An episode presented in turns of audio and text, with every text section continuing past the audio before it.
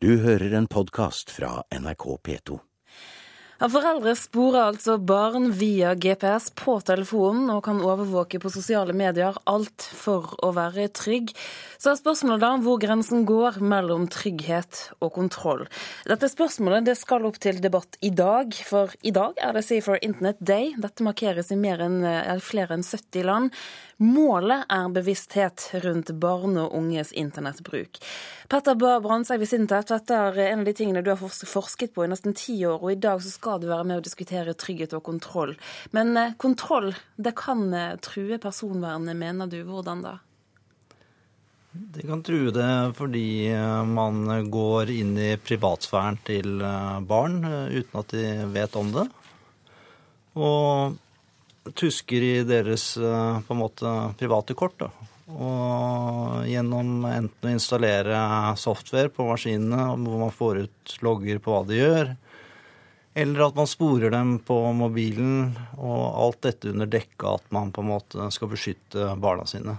Kan du gi et eksempel på hvordan dette kan foregå?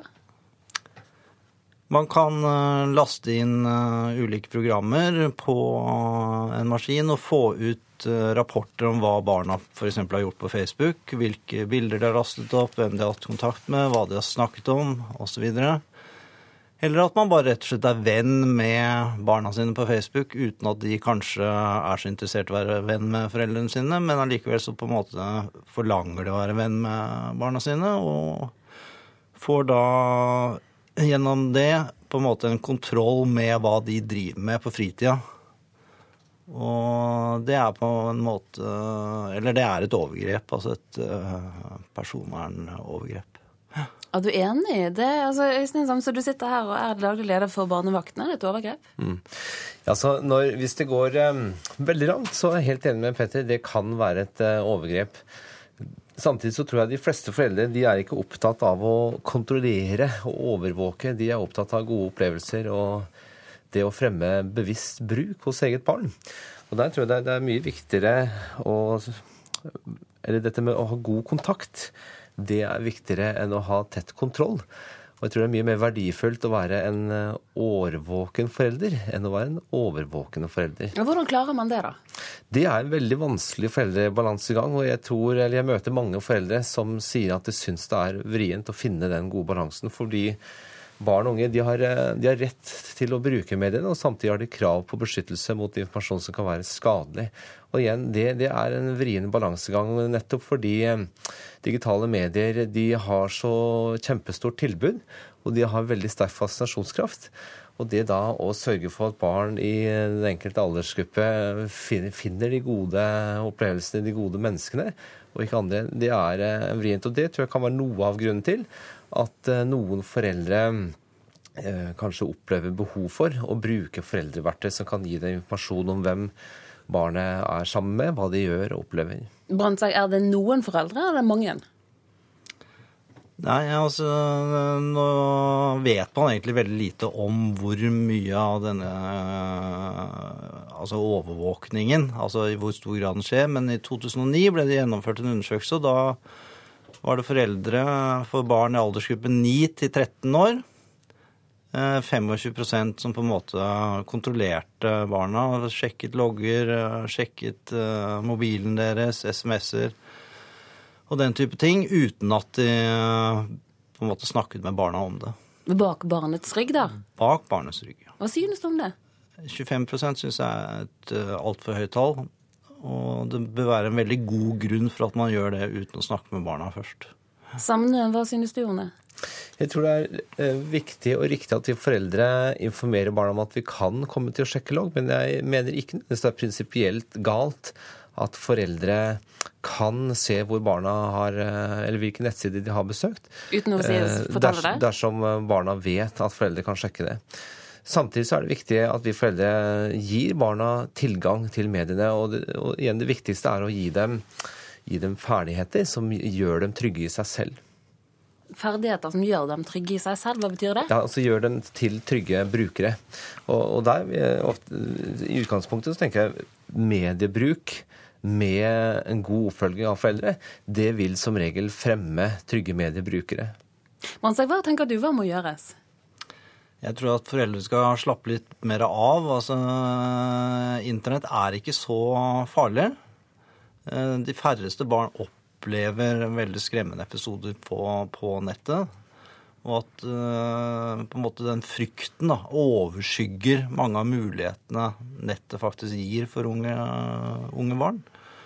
Og man må på en måte også tørre å la barna utsettes for litt risiko også. Altså at de kan lære av egne erfaringer. Eh, jeg sier ikke at de skal ignorere barnas nettbruk, de skal snakke om den og ha et bevisst forhold til den, men, men man skal ikke drive med overvåkning og kontroll. altså. Sammen en kort kommentar til det helt til slutt. Jeg syns det var et godt råd av Petter. Vi var vel for likte her i Kulturnytt. Takk for at dere kom. Eh, Petter Barr som altså er eh, forsker ved SINTEF, og også daglig leder for Barnevakten, Øystein Samnøen, som nå skal kaste seg i en taxi hastig videre til Litteraturhuset, der debatten fortsetter. Du hører en podkast fra NRK P2. Hole kommune sier nei til Nico Widerberg sin skulptur til minne om 22. juli-ofrene. En anonym giver har tilbudt 56 kommuner et minnesmerke som etter planen skal avdukes på ettårsdagen for 22. juli-terroren. Minnesmerket har skapt debatt, både fordi det ikke har vært noen offentlig utvelgelsesprosess, og fordi giveren er anonym. Hole kommune var årsted for eh, terroren på Utøya, og ordfører Per Berga sier nå altså nei til den over to meter høye skulpturen. Det, det er jo mange som er i en uh, sorgprosess fortsatt, og dette, denne hendelsen ligger jo veldig nært innpå. og Egentlig så er det jo ingen som har håpet at dette noen gang skulle skjedd i det hele tatt. Og Derfor så det å snakke om minnesmerker og snakke om uh, sånne ting, det er, ikke, det er ikke bare noe du, du bestemmer deg for på, på, minuttet. Hovedproblemet her i Hole er at uh, som åsted for denne hendelsen, så ligger jo Utøya der uh, for all evighet. Det er jo et minnesmerke i seg sjøl.